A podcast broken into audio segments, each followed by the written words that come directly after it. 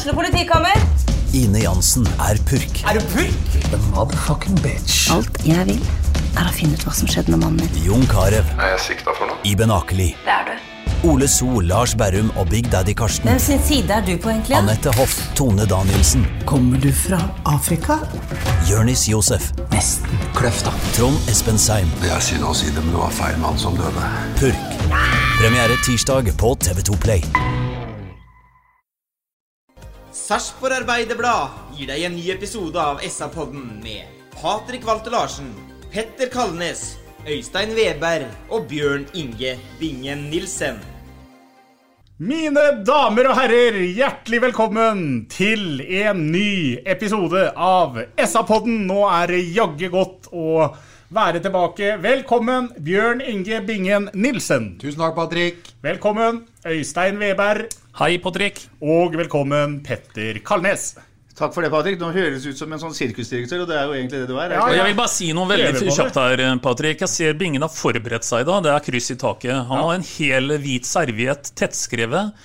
Sist vi hørte noe serviett her i byen, eh, Bingen, det var vel når faren din satt oppe på domusbordet sammen med noen andre. De tok ut laget til sønnen René. Han var kurer og tok den med ned til treneren. Det ble det laget, faktisk, som de tok ut på domus. Det stemmer det. Da får vi se om vi har like stor påvirkningskraft eh, overfor Stare, da. Men er det, er det noe nyttårsforsettet på gang her, eller sånn? Eller plutselig så er Bingen eh, ordentlig forberedt? Skal du ikke skyte fra hofta lenger, jo, jo. Nei, jeg måtte bare liksom være klar på hvor vi skulle være i forhold til eh, Hvor vi skulle være i forhold til eh, Vi har fått noen nye spillere, og vi har fått eh, en hjelpetrener og navn osv. Bare så jeg er helt klar på hvem jeg mener og snakker om. Så ikke være at Bingen er impulsiv.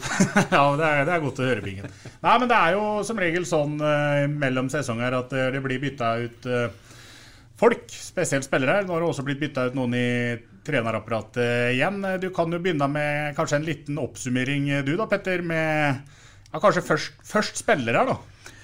Ja, jeg vil bare først si at jeg er, eh, jeg er fornøyd jeg, til det som har skjedd så langt. Men det er ikke noe sånn eh, veldig imponert eh, overvettes slår stiften-nivå. Eh, Det er greie nye spillere. Eh, Jeg er litt usikker på om alle er i stand til å heve et lag som eh, slet voldsomt i fjor. Eh, Jeg syns vi skal legge et klart premiss på at eh, det Thomas Berntsen har sagt, at det 3-4-3-systemet skal på en måte videreutvikles. Det betyr at det blir en trebekslinje etter alle solemerker også i året som kommer. Og da har man altså henta en ny målvakt i Anders Kristiansen. Man har henta en høyre back, høyre wingback i Eirik Vikne fra start. Man har henta en sentral midtbanespiller i Emil Pålsson fra Sandefjord-Island. Eh, og man har henta to spisser, skråstrek eh, vinger. Ibrahima Kone fra Haugesund. Rashad Mohammed fra Florø.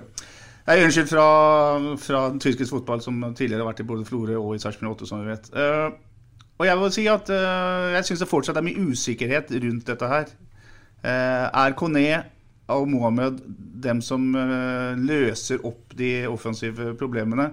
Det er jeg fortsatt litt i tvil om. Jeg håper at de er det. Men eh, jeg håper at eh, Thomas Berntsen, når han sier at de skal ha en én offensiv spiller til, er ute etter en, et oppspillspunkt. En midtspiss som også er god med ryggen til motstanders mål. Som kan man spille opp og holde på ballen så laget kan komme etter.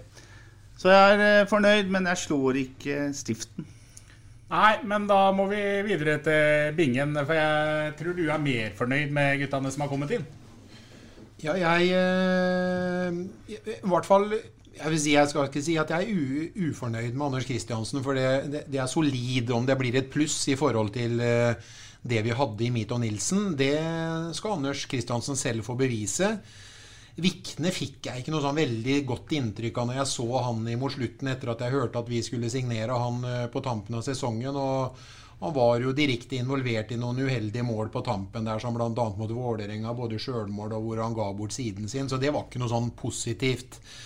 Ellers så har jeg tro på aksjonsradiusen til islendingen, men så spør, spørs det hvordan han skal komponere laget. Da tenker jeg på Emil Pa- Pa- Palsson, fra Sandefjord. Eh, islending, tøff, røff. eh, men du må vel tenke at du skal ha en ved siden av en hardtarbeidende, så skal du ha en kreativ eh, ved siden av han. Og hvordan løser du det? Hvem skal du ha der? Eh, spennende å se. Nå, sier nå skal man jo rendyrke og videredyrke 3-4-3-formasjon. Eh, jeg føler kanskje, og jeg er ikke noe tilhenger av 3-4-3-formasjon og hva vi fikk ut av laget i fjor. og i tillegg så har vi jo henta Kone fra Haugesund, som eh, Petter eh, håper kan være også litt, litt feilvendt, men kanskje best rettvendt. Rashad Mohammed vet vi jo at det er en trussel, kanskje ikke den store målgjøreren, men et lag eh, som spiller mot Rashad Mohammed, må ta hensyn til Rashad Mohammed. Eh, hvis vi skal ha én spiss, eh, så må det jo være plass til Rashad Mohammed på en av kantene da, i et 3-4-3-system. Jeg føler kanskje at i et 4-4-2, som ikke er noe tema for 08, så føler jeg kanskje at du får et ut et større potensial av troppen din. Det er mange som skal eh, med på en midtbane her. Sånn. Vi snakker om uh, mange spillere. Ole Jørgen, vi snakker om Linseth, vi skal snakke om Saletros, vi skal snakke om Gaute Vetti, vi skal snakke om en, uh, en Soltvedt, uh, man skal snakke om Nicolay Næss. Altså, jeg føler at vi blir liksom veldig overbefolka på, på midtbane her. sånn. Nå kan det godt hende at Ness blir ofra og skal spille defensivt. Nå har eh, Berntsen uttalt at han er opplest og vedtatt en midtbanespiller for sesongen 2021. Men det er nok en del spørsmål her, som Petter sier. Men jeg er glad for Rashad Kone og Sandefjord og Kristiansen. Og så er det litt sånn ja, Henter vi noe soleklar forsterkning på, med Vikne? Det gjenstår å se. Men jeg syns det er koselig at det beveger seg, og at Berntsen også sier at vi skal vi er, vi er, at vi ikke er ferdig. Og det du sier, Bingen, det har du helt rett i at, at uh, stallen er styrka. altså Kvantitativt her så er det definitivt styrka. Jeg bare savner den, der, den, der, den soleklare wow-signaturen. altså den der, Som liksom virkelig kunne gått inn og gitt oss en ordentlig tro på at dette her blir knallbra. For vi, vi husker at Rashad Mohammed altså for to år siden nesten ikke ble brukt i serien. Fordi han mista for mye ball, ifølge til Geir Bakkes uh, syn. da Altfor ofte så var det han feilvendt, spilte kant, fikk en eh, pasning, sto feilvendt, mista ballen, og så, og så, ble det brudd imot.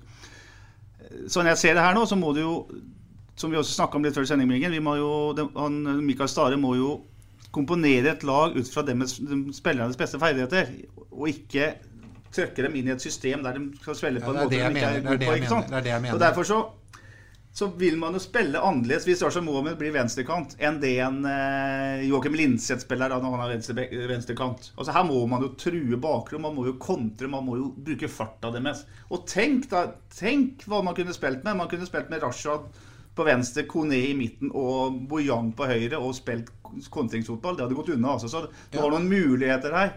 Men jeg savner den der som jeg vet hadde gitt Sarpsborg 15 mål. Dem, dem, har jeg ikke her. Altså. Hvem er det? De er ikke her. Nei, men hvem er det sånn i verden? Hvem, hvor, hvor, hvor, må du på hylla da? Ja, Det, det er et godt spørsmål, spørsmål. Eh, Patrick. Eh, jeg er nok litt mer eh, kanskje positiv i forhold til spesielt Rashad Mohammed. Jeg synes det er det er en Vov-signering, syns jeg, og nå snakker vi Eliteserien i Norge. Det at han spilte relativt begrensa sist han var i Sarpsborg, før han var helt umulig å holde utenom laget, det syns jeg en en Geir Bakke med et ekstremt behov for å ha en slags defensiv garanti på alt som eh, foregikk, må ta en del uh, skyld for. Jeg syns Rashad Mohammed skal spille sju dager i uka i Eliteserien. Og, og, og, det syns jeg han beviste den tida han var på, spesielt av høsten 2018, før han forsvant. Jeg tror vi i Rashad Mohammed har fått en signering som, som kommer til å bli en snakkis i Eliteserien. Og litt som også Bingen sier, selv om han ikke har sin beste dag på jobb, så vil han binde opp betydelige ressurser i ethvert motstanderlag. For det er en spiller du er nødt til å ta hensyn til. Så, så, og så håper jeg, eh, litt mer inn på å kalle det tema som du Patrick, og Bingen kan mene mer om, Anders Kristiansen. Han er etter mitt skjønn en, en, sånn eh, keeper som har et relativt eh, høyt laveste nivå. Han gjør sjelden noen store feil. Uh, mangler kanskje den litt sånn X-faktoren som vi hadde litt sånn i Vasutin osv.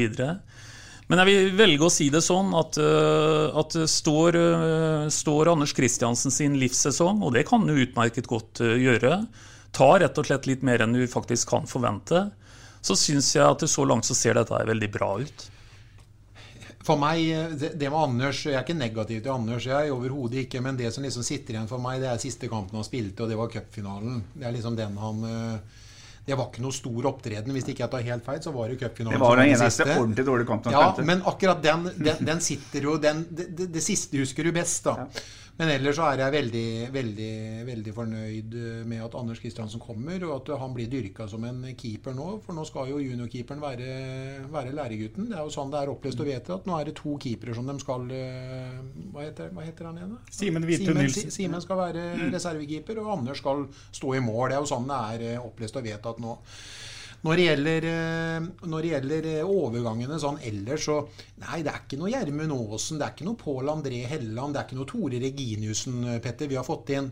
Men allikevel så liker jeg liksom sånn tanken om offensive Kone, da, som har gått læretiden sin i Haugesund nå siden han var 19 år. Det kan bli ordentlig fugl. Kan vi få en spiller? Kan vi få på plass en spiss? For jeg regner med at han er henta nå for å spille i midten foran. Og kan vi dyrke én spiss som skal få trua på det, og at vi kan få en med pluss ti mål endelig, eller på en lang tid, eller etter Patrick Mortensen, at som kan ta den arva der, sånn, så hadde jeg håpa på det. Men jeg vil jo også håpe det at Rashad Mohammed er henta for å spille, og at ikke han skal være en som skal gå læretida si på nytt igjen liksom i et, et system her nå. At vi legger opp et system hvor vi får plass til nysigneringene våre, og så får resten eh, kjempe litt om hvem som skal bekle. og Da nevnte jeg en del navn i stad, med, med Vetti og Linseth og Ole Jørgen og flere med dem på den midtbanen. Og så er det vel kanskje interessant om eh, hvor Saletro skal spille. Ja. Jeg er helt enig. og Når Øystein sier at uh, Rashid skal spille 27 ganger i uka, så skal jeg godt tenke meg visst hvor han skal spille hen, hvis han skal komponere laget. For det syns jeg er en ganske heftig uttalelse. Men uh, det kan vi få til å svare på. Uh, for jeg tenker altså, det systemet 3-4-3-systemet er jo basert på mye at man spiller, bruker vingene som oppspillspunkter, og så kommer wingbackene rundt og slår innlegg. Og en Rashad Mohammed feilvendt tar jo ikke imot ballen, drar av en mann og spiller til en, en Thomassen eller en Soltvedt som kommer på venstre kant og slår et innlegg. Så der må du bruke Rashad på en annen måte. Jeg, bare, vet du, jeg er helt enig med deg. Og en Rashad kan godt spille som en av to spisser. Han. Du trenger ikke å uh, gjøre det så vanskelig at han skal fly fra vinga si hver gang for at han skal skjære inn. Det handler om et buerø, bueløp Ja, som en av to spisser. Han også en smart midtbanespiller som, som Kone, ser muligheten. da må Kone være, den, være en mye mer uh, møtespiss enn det jeg tror han er. Og da ender du opp med at du ikke har noen som, som Du har ikke en Molins som kunne bindt disse her karene her sammen. Den, den savner jeg veldig. Men hvis Mon- eh, Kone da er, kan ha litt gener i seg, at den kan være feilvendt noen ganger, så kan jo Rashad stikke ni Ja, av ti ja, men ganger. Da. da- det må avhenge av det. Jeg tror ikke Kone, jeg tror Kone også, også er best i bakrom. Da. Men det er det gjenstår å se. Eh, her var det mye å ta tak i, gutter. Det er mye, mange meninger nå. For det første så går jeg tilbake til Bingen, som lurte på ved siden av Hvis det er sånn at Polson skal være ryddegutt på midtbanen og trenger en kreativ sjel ved siden av seg, hvem skal det være? Det er jo selvsagt Anton Saletros. Saletros kommer til å ha mange flere alternativer foran seg i banen når han mottar ballen nå, enn hva han hadde under fjorårssesongen. Og så er det en annen ting når det kommer til det her med målskårere. Altså det er henta spillere her som ikke har eh, skåra tosifra antall mål jeg holdt på å si noe sted. Eh, men hvis vi, hvis vi ser på en kar som Amahl Pellegrino, da, så hadde han før sesongen i år ingen sesonger eh, med tosifra antall mål i Eliteserien. Amahl Pellegrino er, han er vel eh, 30 år. Og plutselig, i systemet til Mikkelsen og oppe i Kristiansund i år, så eksploderte det helt fullstendig. Tok fullstendig fyr. Han skåra vel 25 til slutt. Eh, Det er jo litt sånn med både Kone og med Rashad Mohammed at det kan være sånne typer, det òg. Som plutselig, hvis du får to mål i første hjemmekamp mot Viking, så tar det helt fyr. Jeg er helt enig, og de er jo utrolig uforutsigbare begge to. Men kommer hit også, Rashad hadde fem mål på 31 kamper sist han var i 08. Kone har åtte mål på 48 matcher i Haugesund. Så det er ingen garanti, men du har aldri noen garanti på hva i, i fotball. Og så har jeg lyst til å kaste ut en liten brannfakkel når det gjelder eh, midtbanekomponeringa. Eh, Pålsson må jo være en som kjemper med Niklas Ness om en, den defensive delen av de to. Det syns jeg høres ganske åpenbart ut. Får du Gaute vett i form, han har vanskelig å holde ut av laget. Linseth er en milsluker som løper mye der. trenger du, hvor trenger du Saletos igjen? Hvor, hvor har Saletos vært best enn tidligere? Jo, han har vært aller best som wingback. Jeg tror han har en status i gruppa at han helst skal spille sentral i banen. Men du hjelper meg jo mye. Du kan styre en fotballkamp i det 3-4-3-systemet ved å spille venstre wingback, ha ball mye. Og da har du mye rettvendt, rolig, kan slå pasninga framover i banen. Det er en interessant eh, tanke om Saletos plutselig skal bli et, eh, et wingback-alternativ. Der er jo Thomassen, eh, den plassen Thomassen har eid de siste åra. Vet du hva, Petter? Nå snakker du om å utnytte, utnytte laget ditt. vet du. For nå ser du muligheter på hvor du kan styrke lagdeler, istedenfor at du skal absolutt spille med spillere i posisjoner. Så den der, der støtter jeg veldig. Altså Saletros han kan spille alle fire posisjonene på midtbanen hans, og det er jo egentlig greit. Han har jo eh, altså, Et av de løpene vi husker fra 2020, da spiller han jo på høyrekanten. Så, så, så det er det ingen tvil om. Det vi kan håpe på da, når det gjelder eh, Saletros, og det tror jeg det er et uforløst potensial i Sarpsborg, i hvert fall, når det han, det er at en i større grad greier å få brukt kreftene sine på det kreative og offensive i 2021, og nettopp kan være den da som kan stikke gjennom eh, eh, en pasning eh, som eh, nevnte gutter, eh, Kone og Rashad osv. Kan, eh, kan stikke på. Når du sier Petter, at det er spenstig uttalelse å si at Rashad Mohammed ville ha brukt sju dager i uka, så er det mulig det, men det ville jeg altså gjort. og nå skal vi ikke gjøre fotball mer komplisert enn det strengt tatt er, heller. Og hvis du, hvis du har de egenskapene som Rashad har eh, Han er eh, sterk, han er hurtig, han er høy, han har veldig, veldig mange helt nøkkelfaktorer for å være en god offensiv spiller.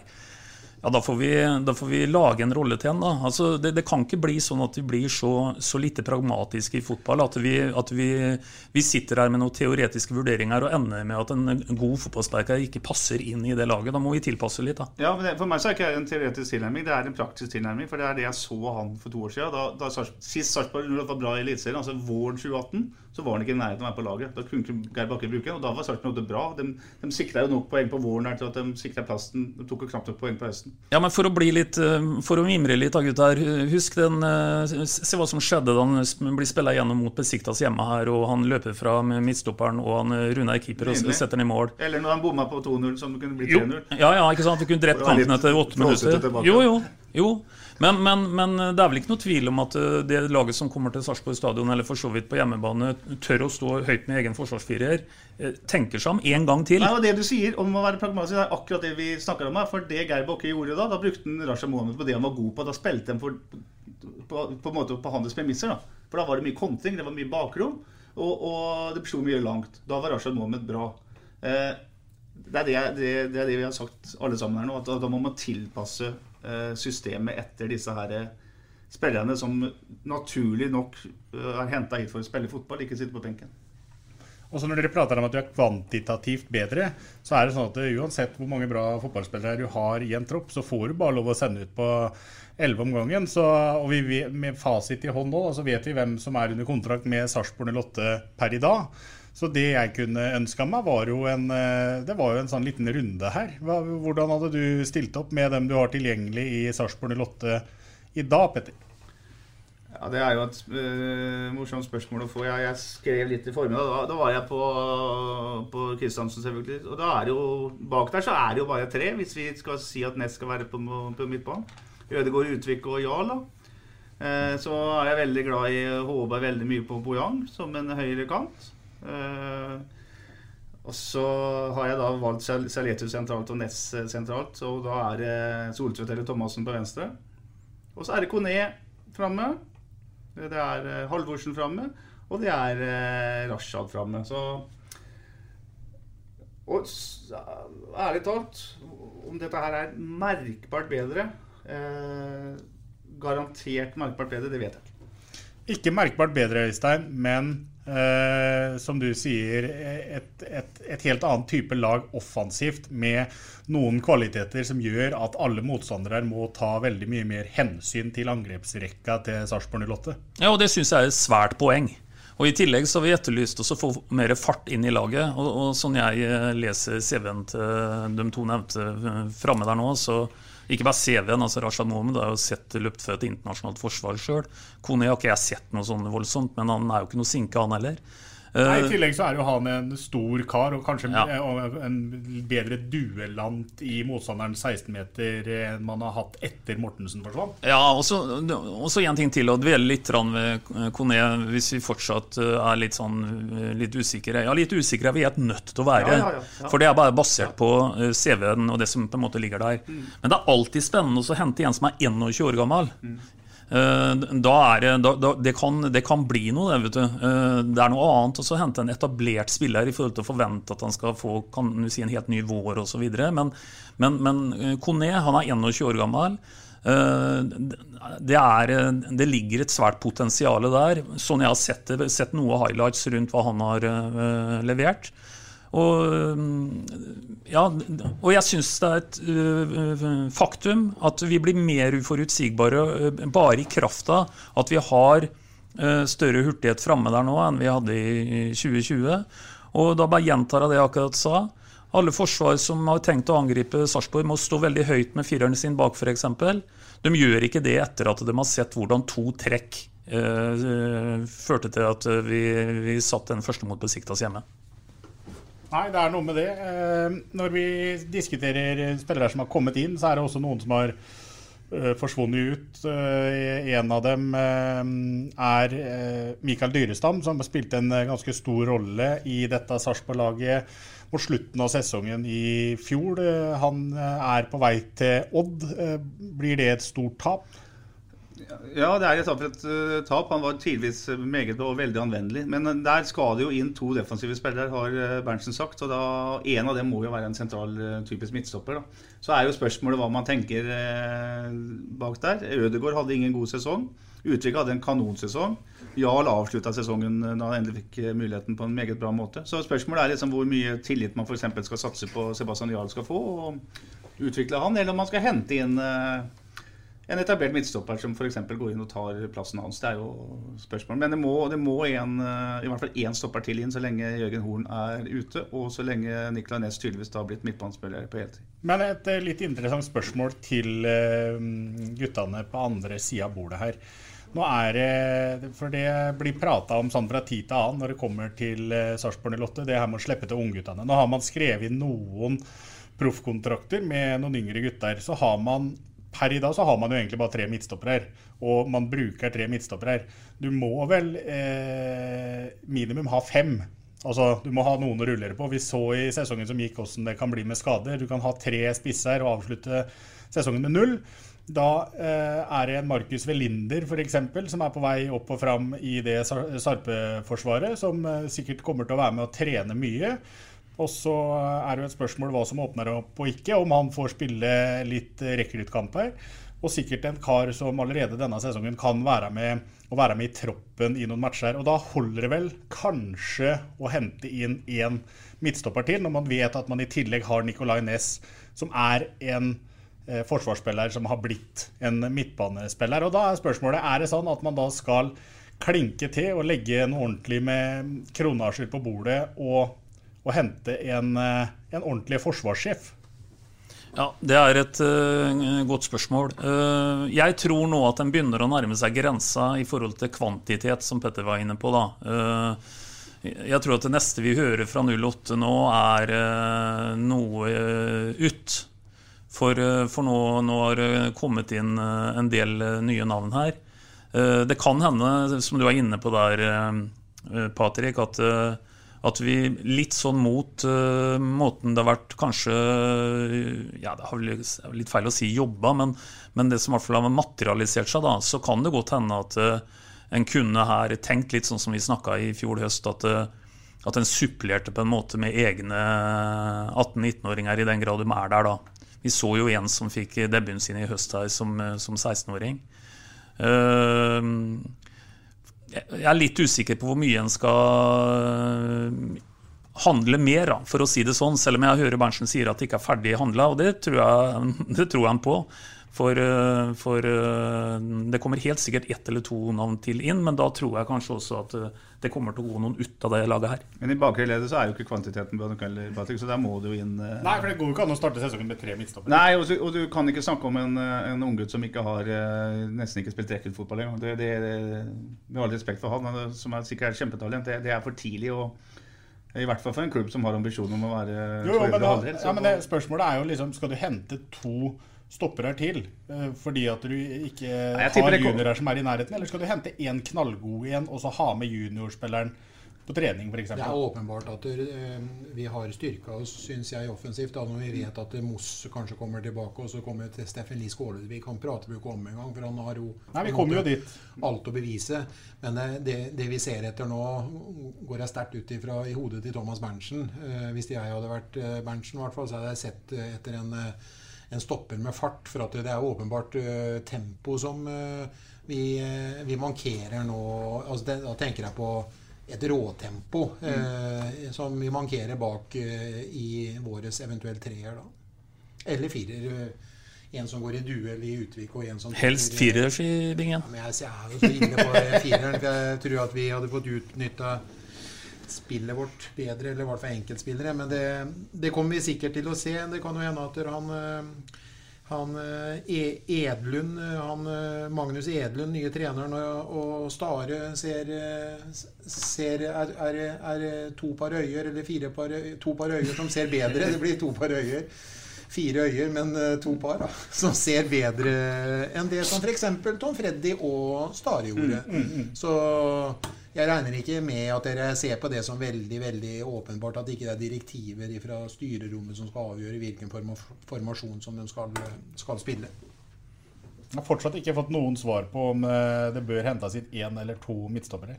Nei, eh, For meg, så hvis du spør meg om det, så holder det med én. For jeg hadde omskolert i forhold til å få plass til alle dem som eventuelt må sitte på benken for at vi skal komponere en midtbane sånn som vi gjør. Så syns jeg det er åpenbart for meg så er eh, Ness å betrakte i sesong 2021 som en forsvarsspiller. Og da vil vi lete etter én til med tempo. Jeg er 100% sikker på at Ness er å betrakte som en midtbanespiller, og at det kommer inn, en, kommer inn to forsvarsspillere der én av dem to kan også spille venstre wingback, tenker jeg. Men det blir en utfordring nå, Petter, med, med alle de navnene vi snakker om som skal bekle fire roller Ja, på, jeg bare, jeg bare refererer til hva som ble sagt fra Thomas Berntsens side. At, Ja. uh, han sier at Nicolay Næss nå er å betrakte som midtbanespiller, og det har jo stått på trykk i lokalavisa, så da må vi tro at det er sant der.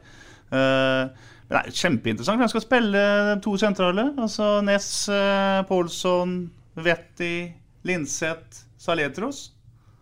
Det er interessant. Ja, det er kamp om plassen. Det bør dere lure på. Det er i hvert fall for mange. Ja, det er for mange til å, til å bekle to plasser, men heldigvis får vi si, så er det jo, som vi prater om nå, da, flere av dem som kan spille på flere enn den ene sentrale midtbaneplassen. Eh, Du var innom det nå, Bingen. For det er jo et par ekstranavn oppe på topp der som vi ikke var innom før du nevnte det nå.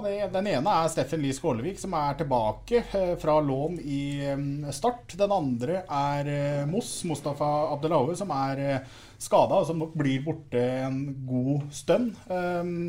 Moss har kontrakt ut sesongen, eller Skålevik har ut neste sesong. Eh, I utgangspunktet per i dag så står da Sarpsborg Lotte med fire spisser, når vi tar med Rashad og Kone som eh, angrepsspiller der òg. Hva tror vi kommer til å skje med Skålevik og Moss? Eh, For å ta Skålevik, så tror jeg at uh, man leter etter en ny løsning den, eller en permanent løsning da, à la den som har vært i 2020, ved at han spiller et annet sted. Det er synd å si det, men eh, jeg tror ikke han er med i fremtidsplanene til 08. Nei, og Skålevik hadde jo ikke noen stor sesong på Sørlandet heller, Petter. Nei, han hadde jo ikke det. Jeg har ikke sett eh, alt han har spilt, jeg, men han var jo veldig mye ute av laget. Og det er synd, for det er en knakende kjekk gutt som står på fælt, men han har jo ikke lykkes de siste året. Så enten så, så er det som Bingen sier, at han har alt å bevise, og at de gir ham en ordentlig sjanse, eller så eh, håper jeg for hans del at de får gjort klart en ny klubb ganske tidlig, så han får en oppkjøring med en ny klubb, så ikke han må komme sånn heseblesende inn i et nytt lag igjen like før seriestart. Sånn som han gjorde eh, i start, ja. Ja, det er jo aldri heldig, det. Da må du liksom slå til med en gang. Jeg tror han trenger Han trenger tid, han trenger ro for å kanskje komme seg opp på det nivået han var den uh, spesielle sesongen han hadde i Brann. Men jeg, jeg, tror vel Eller hvis jeg er, er enig i Øysteins vurdering at jeg ikke tror at han har noe kommer til å spille noen rolle i dette Sarpsborg 8-laget. Ja, og nettopp Derfor så tror jeg også at det jobbes med å finne løsninger på det. For Hvis vi husker tilbake til våren i 2020, så blir jo heller ikke det kalt en rettferdig håndtering av Skålevik. Han blir jo da kasta inn i, i, posisjoner som han strengt tatt uh, knapt nok har spilt. og og det hadde vært bedre for han om han kom til en klubb som satsa på han som den spissen han er. Og det tror ikke jeg er Sarpsborg 08, men det er min spådom akkurat nå, da, Patrick. Ja. Ellers så hører jeg og ser at Vingen ikke har noe særlig å si om når jeg nevner eh, altså, som er på vei opp og fram. Vingen eh, uttalte vel eh, sent i forrige sesong at han håpa at en spiller som Dervis Skadic skal få, få kommet inn på, være involvert i ti, ti, matcher. Han nå er jo inne i den miksen på midtbanen der, uten at han er en av dem som kommer til å starte sesongen sentralt. nei, men han skal, han skal, Hvis vi mener noe med talentutviklinga vår, så skal en spiller som Dervis Skadic, eh, direktøren eh, ha spilletid i år. Definitivt. Men jeg ble så skuffa av meg sjøl i forhold til hva jeg sa tidligere på året i forhold til stopperen vår fra Bergen. Jeg hadde så tro på han, eh, hvis du kan gjenta det, Sigurd Kvile. Mm. Det, jeg, det, sa jeg jo tidlig, at det ser jo ut som det eh, var rart at eh, Berntsen og jeg sa det i samme uke. Men det, det er jo en sånn der, litt sånn Rune Bratseth light, uh, sa jeg i sendinga vår. Og så skriver Berntsen det i avisa uka etterpå. Men jeg må jo si at en sånn en spiller med fart og litt sånn der, du fikk litt knotter oppover anklene og tok litt smeller sjøl og var en fysisk sterk en, så hadde han bra tempo òg. Men det var noe der som ikke klubben eh, som, ikke, som, som, klubben så, som ikke jeg så, da, som gjorde at han måtte forlate og, og når du da snakker om en junior som eh, nesten ikke har vært på på, på A-lagstrening som eventuelt én eh, av fem stoppere, så tror jeg ikke det er det Berntsen leter etter eller slår seg til ro med, for å si det sånn. Jeg tror nok eh, når Kvile ikke var god, da skal vi se etter en helt annen kvalitet enn på våre egne junior, eh, juniorlag i forhold til akkurat den plassen der. Kan jeg komme med en liten bønn nå? Uh, et kjempetalent av midtbanespilleren. Men kan vi slutte å kalle han for direktøren. Jeg tror ikke han har noe godt av det å bli kalt direktøren i poden i Sarpsborg Aurblad. Nei, Det tror jeg han skal få når han har debutert på A-laget og er god nok til å kalle seg det. Han debutert på A-laget. Sander Solberg sitt uh, Jo, jo, men da får Sander Solberg Jeg må bare si det. Jeg syns det er når du kommer opp så ung, er så uredd at du er på en måte direktøren. Jeg syns det er sexy. Ja, det er jo derfor det er, 200, derfor det er 250 stykk som har blitt kalt den nye Pelé i Brasil siden 1960. Jo, jo, men det er jo ikke noen nye direktøren. Altså, direktøren er jo direktøren. 25 000. Ja, men direktøren er jo ja. det, det Vi kalte jo Frode Mathisen for servitøren, da. Sånn ja, men han serviterte, serviterte faktisk. Han serverte uh, målgivende pasninger på det høyeste nivået i Sarpsborg Jeg tror Frode bare var bedre av det. Paul Ince krevde å bli kalt for uh, guvernøren guvernøren i, ja. i, Manchester United, men uh, det er jo et stykke mellom uh, ja, Det er, er gammeldags, men jeg syns vi skal kalle den for det han heter. Du er gammeldags. Men uh, han heter Emil Derviskadic, og han kommer til å få minutter, sånn som Bingen sier, vil jeg tro. Ja. Så glemte jeg en, jeg nevnte de ungguttene som har fått proffkontrakt. For i tillegg til Derviskadic og Velinder, så er det også Aduri Mjekici som har fått proffkontrakt. Jeg håper at det blir noe cup og litt styr. Jeg håper at Sarpsborg gjør det så bra at det er flere unggutter som får prøve seg. Det vet jeg alle her håper. Men vi må videre, for da har vi prata veldig mye om eh, spillere her. Vi må også prate noe om dem rundt laget. For det har skjedd et bytte også der. Og da regner jeg med at eh, Petter Kalnes er fin kar til å si noen ord om eh, den som har forsvunnet, og den som har kommet til som assistenttrener for Mikke Stare. Ja, det, Tom Tredje Evne har slutta, har fått beskjed om å slutte, har brutt med Sarpsborg 8, eller hvordan vi skal si det. det Tom Tredje er bare å si har gjort en kjempejobb for klubben. det han ha vært der. Jeg tror tida hans var over, akkurat som tida til Geir Bakke var over i fjor. Uh, Tom Freddy har gjort en uh, bra Tom Freddy er mer enn en assistenttrener. Han er en hovedtrener i, i ett og alt. Eh, så tenker jeg at eh, forholdet hans til Stare var profesjonelt og bra. Men det er klart de, eh, de traff hverandre for første gang når de skulle begynne å trene et lag sammen. Og det er vanskelig. Nå har en Magnus Edlund kommet inn, en gammel våpendrager til Stare. En kar som eh, er interessant når han sier at han eh, er et eh, resultat av den gamle svenske fotballskolen. Det betyr, det er jo Bingens 4-4-2, og det er flate firere, og det er sideforskyving, og det er helt noe annet enn 3-4-3. Men det her er en flink fotballmann selvfølgelig som kommer til å gå inn sammen med Stare. Og der det i hvert fall ikke er noe problem med personkjemi, for de kjenner hverandre godt fra før. Så om, om, man har bytta seg opp eller ned, kan vi jo ikke si. Men at Edlund og Stare i hvert fall er et uh, sammensveisa par, det er vel ikke noe tvil om. Nei, jeg er enig. Det blir spennende å se. Jeg, jeg jo syns det var veldig rart egentlig i fjor, for å si det som det er, at, at Stare kom inn helt solo og ikke hadde med seg noe rundt. Og, og det er sikkert riktig som Petter sier, at Øvne og Stare hadde et profesjonelt greit forhold.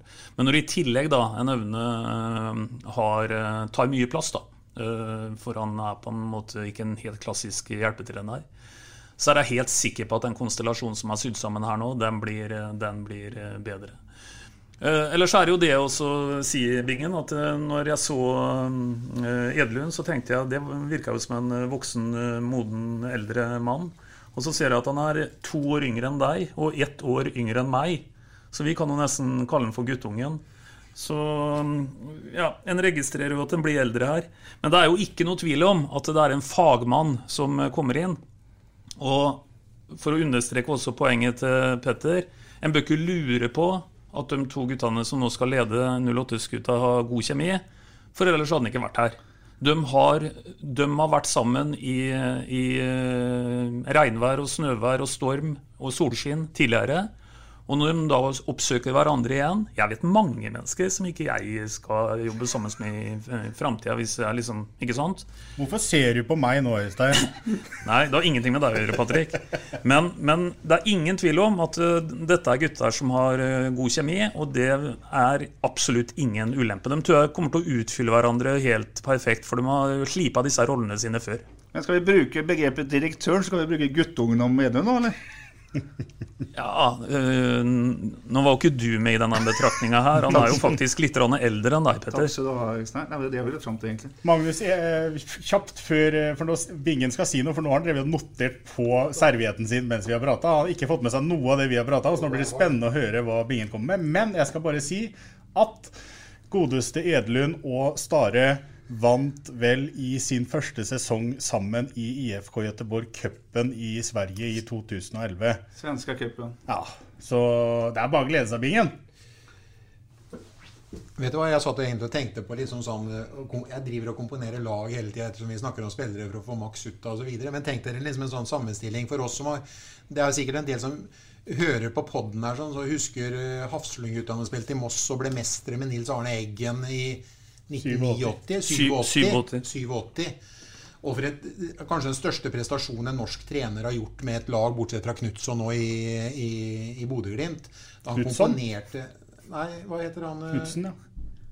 Du sier Nilsen om of Nilsson, og så sier du Knutson om Kjetil Ja, men uh, dem som Ja, vi- ja, kan fotball, skjønner hvem Ja, jeg mener. da. Ja.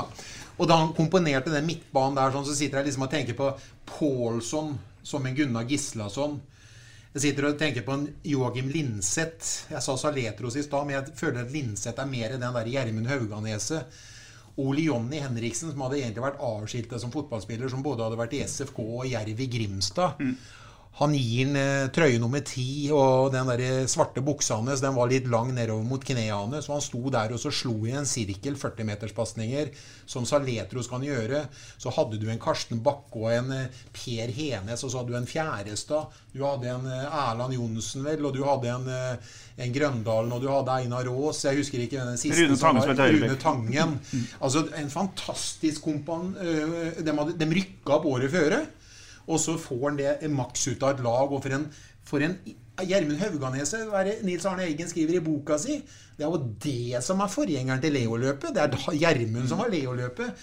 Liksom, da utnytter du troppen din til øh, punkt og prikke. Det er sånn jeg leter etter. Men Ja. det, den ene forskjellen jeg kan se ut fra det vi har snakka med da, er det Eggen gjør. Han, han setter opp laget, sette opp 4-3-3, og så flytter han folk inn der etterpå. ikke sant? Ja, ja. Her er det litt annerledes, for her, skal, her har man også 3-4-3, men det er ikke noen Det er, det er for få av dem som er sånn der, som, som liksom går rett inn i rollene, da, syns jeg. Ja. Men det, det, laget den gangen, Ja, ja. for oss som husker fotball langt tilbake og dro til Moss på ja. for å se på Gjerm- ja, Nils Espen Eriksen sto i mål. Ja, liksom liksom. ja. Og så er Gjermund Haugen som er høyreving og blir høyre innerløper for første gang i sitt liv. liksom. Ja. Ole Jonny Henriksson hadde bare spilt spiss. Nå var han en dypere mann på midtbanen. Så det er jo Sto og slo. Ja, ja, ja, ja. Pasning på Gunnar Gislason var som en rotte rundt alle sammen på midtbanen som prøvde også å komme gjennom midtbanen deres. Det Så kan du gjøre deg mye liksom- ut av den gjengen vi har snakka med jeg mener. Ja, ja. Da stiller du et lag som rykker opp, altså, og så gjør eh, Nils Arne Eggen en For meg så er en av det Det Det, det, det Ja, det helt, ja, det var en fantastisk prestasjon, det han fikk til. Patrick, det er, da leste opp på det laget der. Du vet, Det skjedde, det skjedde to uh, veldig hyggelige fotballrelaterte begivenheter på 80-tallet, Patrick. Det ene var at du må ble seriemester i 87, og det andre var at du ble født i 86.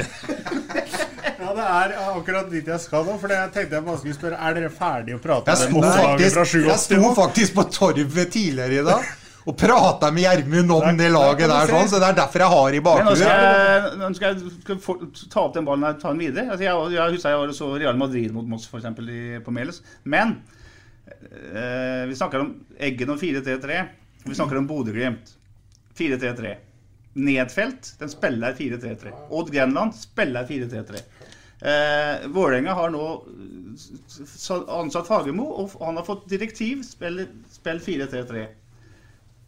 3-4-3 i Sarpsborg 08. Det må forankres et eller annet sted. Øystein. Er du ikke enig? Det må forankres i klubben.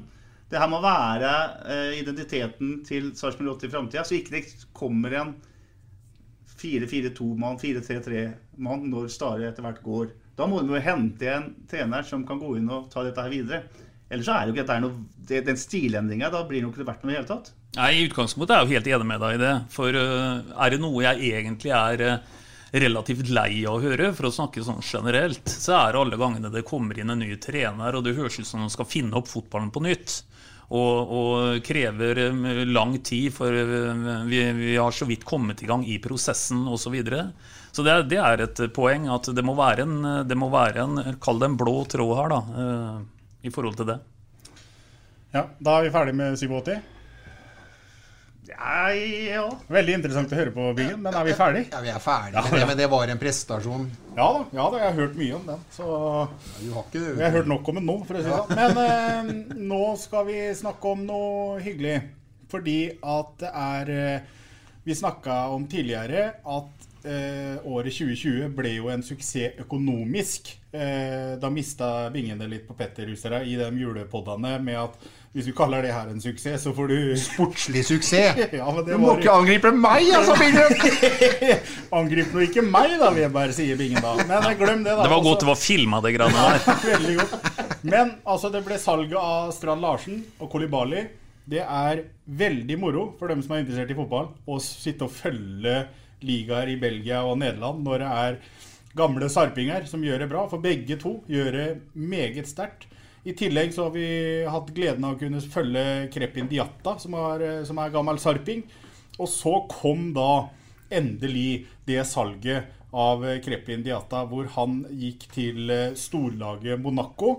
Og da drypper det jo en god slant med penger til Sarpsborg Lotte. For overgangssummen der, Øystein, ryktes å være 200 millioner kroner. Ja, og enkelt regna, hvis en trekker ifra det en fikk første gang igjen, så har nå Krep Indiata eh, forøka pengeskrinet ned på enenda med langt over 40 millioner.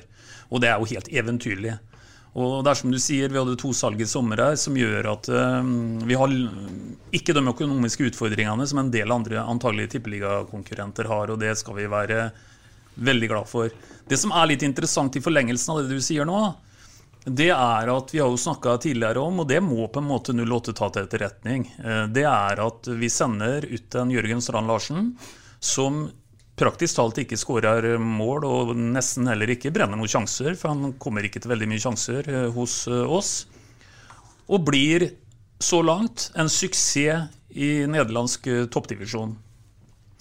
Eh, Det betyr at eh, Det betyr sikkert mye forskjellig, men det betyr i hvert fall at, eh, At han nå spiller på et lag som er i stand til å bruke hans iboende kvaliteter bedre enn det vi var i stand til sjøl. For det henger egentlig ikke på grep at du går fra en liga som jeg tror de fleste i utgangspunktet er enig i det er et steg opp, det han går til, og at du der skal skåre mer mål enn du gjør på en liga på et uh, lavere nivå. Det er en logisk brist i det resonnementet der, men det er det som har skjedd. Ja, det er det som har skjedd, og det er et uh Altså, det er nok et bevis på at fotball er et merkelig spill òg. Altså, her er det, det, er ingenting som tyder på at Jørgen Strand Larsen var i noe særlig form når han går herfra. Men han går jo rett inn og gjør en jobb fra dag én. Jeg tror han har tatt seg sjøl litt i nakken nå. for han ser, altså, Det lille jeg har sett, så har han vært tøffere i duellspill. Han er, er nok satt litt, større, litt mer under press enn han var her. Men øh, jeg tenker også at det kan si litt om at norsk fotball er, eh, det er tøft. Det er kunstgress. Det er øh, litt annen type fotball enn det er internasjonalt. Men først og fremst så er jo det her et bevis på at du kan også gå fra Gå opp i en mye høyere liga og så begynne å produsere mål. Det sier hvor sammensatt fotballspill er. Altså. Ja, og så er det jo et bevis på at hun kan scote eller speide disse folka som gjør dette her, da. For jeg vil tro at uh, denne overgangssummen uh, som uh, Jørgen gikk for, den var i hvert fall ikke i nærheten av å gå til noen andre norske eliteserieklubber for, for å si det sånn. Det var vel ikke veldig mye interesse heller rundt det. Men det sitter noen nederlendere her som til tross for det vi sier nå, sitter og ser på en, en 19-20-åring som, eh, som, eh, ikke produserer veldig mange målpoeng i norsk eliteserie, men han er likevel villig til å legge en god del millioner på bordet for å handle akkurat han. Jeg har sett noen kamper, og jeg åpenbart at Jørgen har heva seg sjøl ifra eh, hvordan han opptrådde her i det siste vi så han før han dro. Han har en trener som minner meg litt sånn om Lasse, Jul Lasse Julsen Lasse Trulsen som styrer han eh, voldsomt fra, fra sidelinja. Lasse Julsen var jo russ sammen med, Bingen? Lasse Julsen fra Oppsund var jeg Lasse Torsi var jeg russ sammen med. Eh, men Lasse Trulsen, eh, trener, han treneren han har i Groningen, han styrer han, han gir han ikke fred. Han roper navnet hans, han kjører han i press, så han spiller sånn som jeg kan se det. Så spiller han faktisk alene på topp. og han har sikkert folk som gjør han eh, bedre rundt den, men eh, han får ikke fred. Det er enorm disiplin i det Groningen-laget i forhold til hvordan man skal ta rettutløp osv. Og, så og det gjør han til de grader. Så han eh, er en mye bedre utgave av seg sjøl som spiller. Og han har nok tatt seg virkelig sjøl tak i nakken. Seks mål på 36 kamper i Eliteserien for Sarpsborg Lotte i løpet av tre sesonger ble det, da. Og så tror jeg var det rekorden til Luis Juarez han slo, tror i Nederland, eller i Groningen. Han har, står med vel sju mål på 17 mm. kamper for uh, Groningen, og det er, uh, det er uh, heftig. tilbake til salget av Diatta og klingende mynt i kassa og dette der. Er det, er det bare å sette inn på konto og salte, eller er det å gjøre som noen i poden vil, og banke noen millioner i bordet for en knakende god midtstopper? Ja, du kan uh, godt gjøre det. Altså, du, men du, uh, de bruker jo penger på infrastrukturen. De uh, har gjort ting med stadion nå igjen. Gjort bedre forhold for fossefallet f.eks., for eksempel, som forhåpentligvis får brukt dem utover våren. Men det skal inn en offensiv spiller til, og det skal inn en midtstopper til. Så det er i hvert fall én midtstopper til. Jeg tror nok at jeg, jeg, tror han kommer til å legge litt penger i, i, i en av dem to. Jeg håper i hvert fall, for det er ikke noe vits å Eh, jeg, jeg, tror ikke de er helt sikre på at det de har gjort så langt, er nok til at man tar dem klivet opp i tabellen som man, eh, som man ønsker. Nei. Eh, jeg må jo bare få lov å spørre Petter, da, for det høres ut som av oss som sitter her i poden, at det er han som er mest skeptisk til, til signeringene. Sånn som det laget på papiret ser ut nå, er det et sånn midt på eliteserietabellen-lag, eller er det et sånn lag som igjen skal krige med, med, ryggen litt mot veggen. Nei, men det er et lag som er eh, altså I fjor så var eh, Sarpsborg 8 16 poeng bak eh, Kristiansund, som kom på femteplass. Man er ikke 16 poeng bak Kristiansund på en vanlig normal sesong. Hadde man hatt en vanlig start på sesongen, så man hadde hatt en 9-10 poeng mer. Så, og da hadde det ikke vært noen krisesesong i det hele tatt. Jeg bare lurer på Jeg ser ikke i den lista her, og jeg er ikke negativ, men, men Rashad er hva han er. Eh, det kan være kanonbra. Det kan være sånn at det ikke kommer på laget som det var for to år siden. Kone er også det samme. Kan være en eventyrlig signatur. Men kan også ha trøbbel med å, å, å markere seg. Pålsson øh, fikk ikke fornya tillit til Sandefjord, selv om han var kaptein. Og har Sandefjord redda opp kraftig, men øh, han gjorde ikke det. Eirik Viknes spilte, sy, øh, spilte 17 matcher for Start i år. Båndlag. Ikke noe voldsom fremtredende. Anders Kristiansen er en god keeper som jeg mener er som Mitov Nilsson. men som en helpakke så syns jeg Anders Kristiansen er litt bedre fordi han vil ta seg av Simen Mitov Nilsen veldig bra.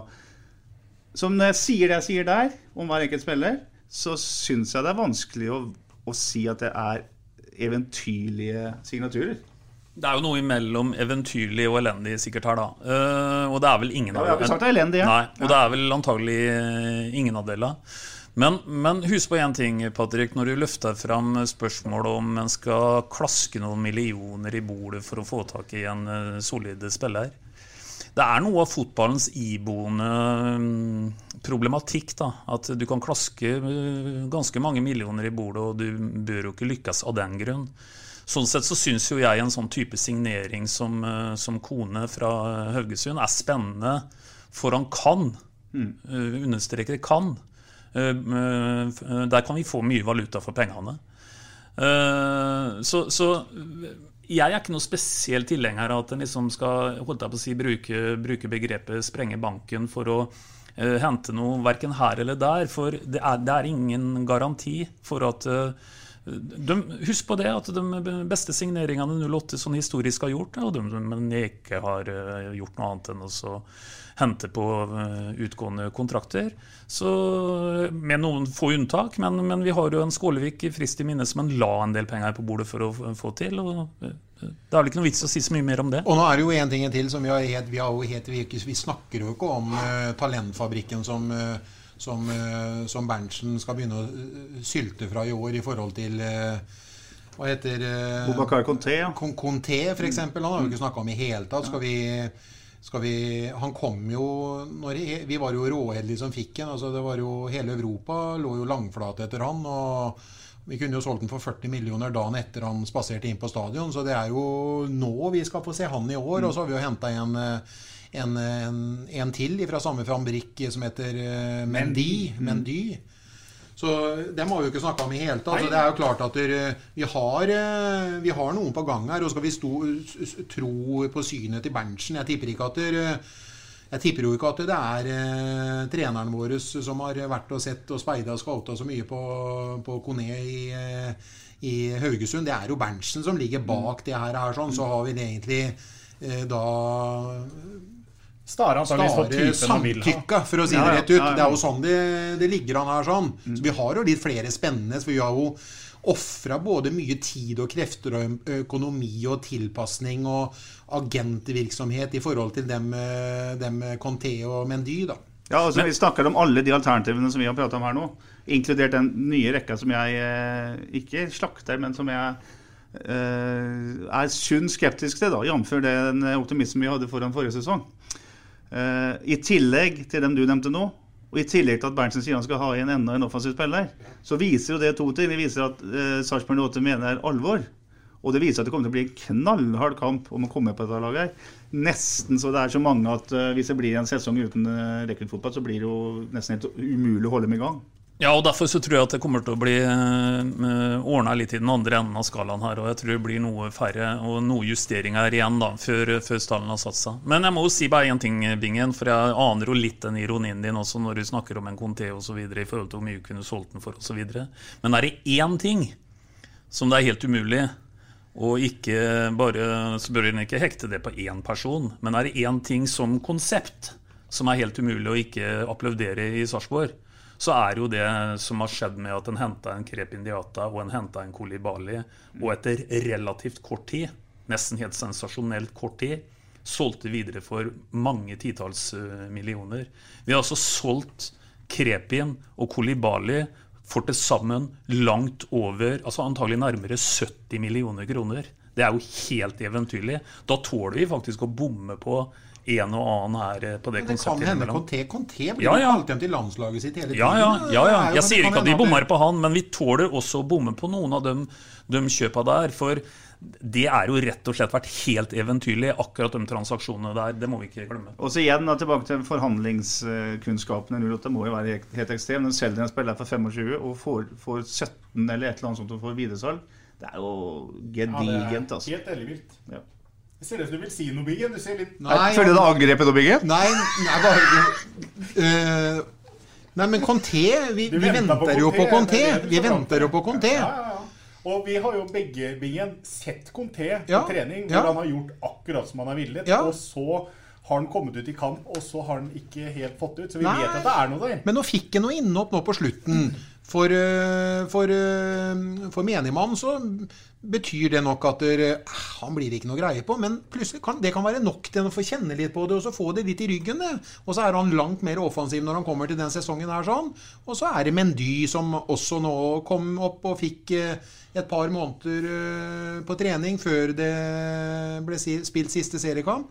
Så vi, skal, vi, vi har en del i vente, men vi har ikke den derre soleklare som jeg sa i stad, det er ikke noe Gjermund Aasen, det er ikke noe Pål André Helland, det er ikke noe Tore Reginiussen. Vi har ikke den derre Akkurat som Brann henta spissen til Kristiansund for, eh, til sommeren for halvannet år siden for 10 millioner kroner. Det er ikke noe sanne som klinger. Jeg skjønner det, Petter. Men det klinga ikke så bra med han Bamba heller. Nei, men, det, men da vet du liksom at Kone er mest sannsynligvis gratis, da.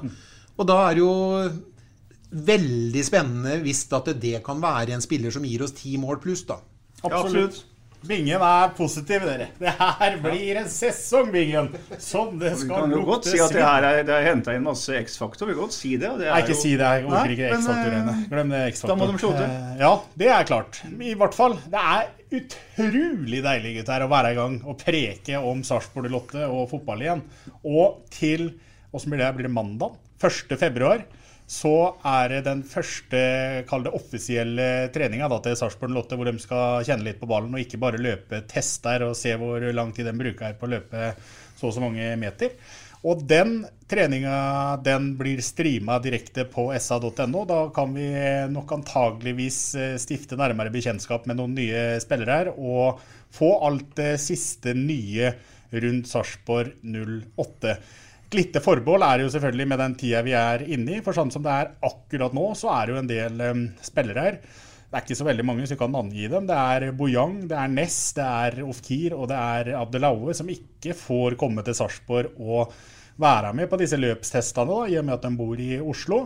Eh, Så vet vi jo ikke åssen det vil se ut om eh, bare noen dager, men eh, i utgangspunktet så skal det streames trening på SA-TV 1.2. Ja, vi har en avtale med klubben om det, og så kommer vi tilbake til tid og sted osv. Men uh, dere får se den første fotballøkta for sesongen er planlagt da førstkommende mandag. Ja. Og så er det, må vi jo ta med at også treningskampene til Sarpsborg Lotte blir vist på SA-TV. Det er satt opp en terminliste, kall det det, for treningskampene til Sarpsborg.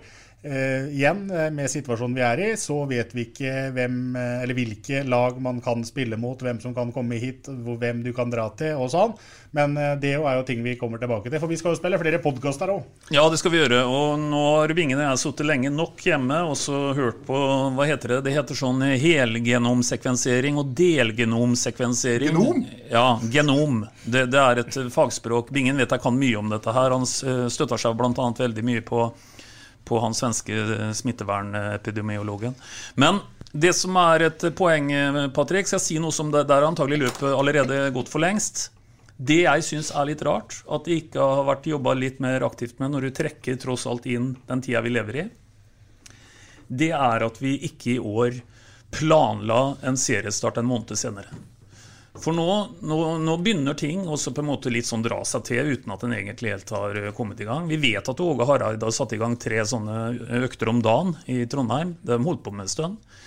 Men, men i og med at det var ekstremt sen eh, avslutning på serien eh, Janne ble på mange måter brukt til å til sikkert drive mye egentrening, men, men eh, ikke, Få igjen pusten ja, ikke noe organisering. Og Hvis en samtidig tenker at for hver uke som går utover våren, så kan det være større sannsynlighet for at det blir åpna også for mer folk på kamper etter hvert som dette vaksineprogrammet går sin gang, så syns jeg det er rart at en ikke pusta litt med maven og planla en seriestart rundt 10. mai. Alle vet, basert på 2020-sesongen, at det hadde vært mer enn god nok tid eh, til å få det til. Og det verste som kunne skjedd, det var at det viste seg at det var å utsette det 14 dager, tre uker for mye, kanskje. Det syns jeg er litt rart. Ja, var det ingen, ingen Ja, nei, det er kommentar gode- til det av noen? Ja, det var jo Det er gode innspill, men det her eh, Det løpet er helt sikkert kjørt, Den naturligvis. avgjørelsen ble også tatt i en tid der vel man eh, var litt mer optimistisk. Skal man ikke spille noe mesterskap i sommer òg, eller? Det er EM, ja, som Ja. skal tilpasses. Ja. Og man har veldig glad i å, eller lyst til å få igjen cupen igjen. Så, Ja, da, men jeg snakker om å flytte tre-fire serierunder, da. Jeg, Jeg føler ikke når du blir sånt. så overintelligent som det Veberg er, så er det noen ganger du ramler så jævlig ned gjennom, liksom, når du kommer med sånne utsagn. Det er ikke gjennomtenkt. vet. Nei. Men jeg kan faktisk Abstinensene til oss som vil Ja. vente på fotballavdelingen, så jeg har ikke ja. tenke på det. Får jeg bare kommentere på det siste der, Patrick? Jeg så faktisk bort på bingen nå og så at han falt igjennom. Så, så han har helt rett i det han sier der. ja, men det er klart at eh, det skal ikke være gledesdreper. Her sitter vi og gleder oss til seriestart, og så vil Veberg spille Veberg vil drøye måneder til. Ja, Ja. kan vi ikke vente til sankthans, da? Ja, ja, ja, ja. Ha det nærmere jul. Nei, men eh, nå har vi vært gjennom mye, gutter. Er det noe som vi har, har glemt? Antageligvis så er det jo det, men er det noen som kommer på noe som vi har glemt, så er det bare å rope ut. For nå har jeg tenkt egentlig å runde av. Det ble en lang pod, dette her, i og med at vi hadde så mye å gå igjennom. Er det noe, er det noe mer?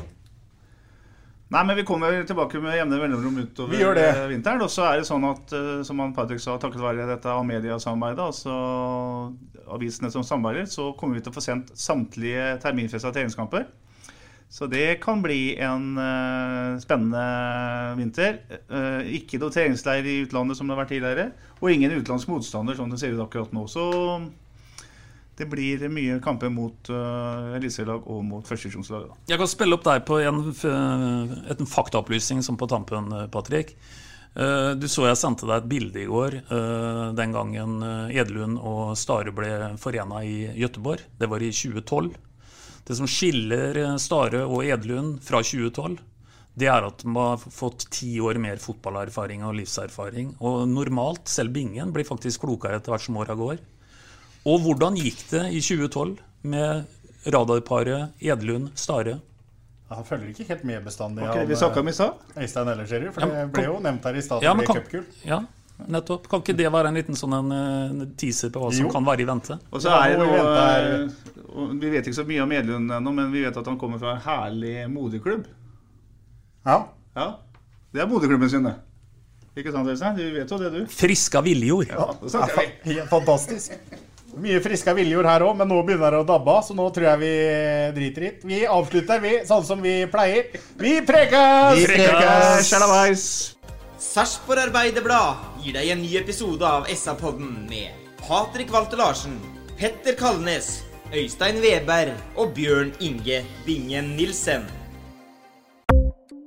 Ukens annonsør er HelloFresh.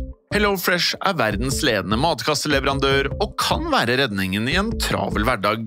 Mange av oss har nok vandret i butikken både sultne og uten en plan for middagen, som ender med at vi går for de samme kjedelige rettene gang på gang. Middag burde være dagens høydepunkt. Som HelloFresh kan du nå velge mellom 25 ulike retter hver eneste uke, eller få HelloFresh til å sette sammen menyen for deg. Dette gir deg muligheten til å prøve nye og spennende retter alene eller sammen med familien. Du velger antall porsjoner og får alt levert på døren på et tidspunkt som passer for deg. Oppskriftene er enkle, og maten er lett å lage både for store og for små. Ved å få alt levert hjem får du også mer tid til å dele matgleden med familie og venner. Kanskje det frister med asiatiske tacos eller greskinspirert kylling? Da kan jeg anbefale deg om å gå inn på hellofresh.no. Her kan du bruke koden FOTBALL og få opptil 1779 kroner i rabatt på de første fem matkastene hvis du ikke har prøvd HelloFresh tidligere.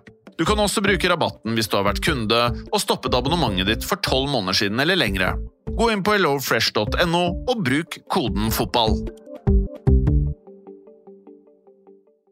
Har du et enkeltpersonforetak eller en liten bedrift? Da er du sikkert lei av å høre meg snakke om hvor enkelt det er med kvitteringer og bilag i fiken, så vi eh, gir oss her, vi. Fordi vi liker enkelt. Fiken superenkelt regnskap.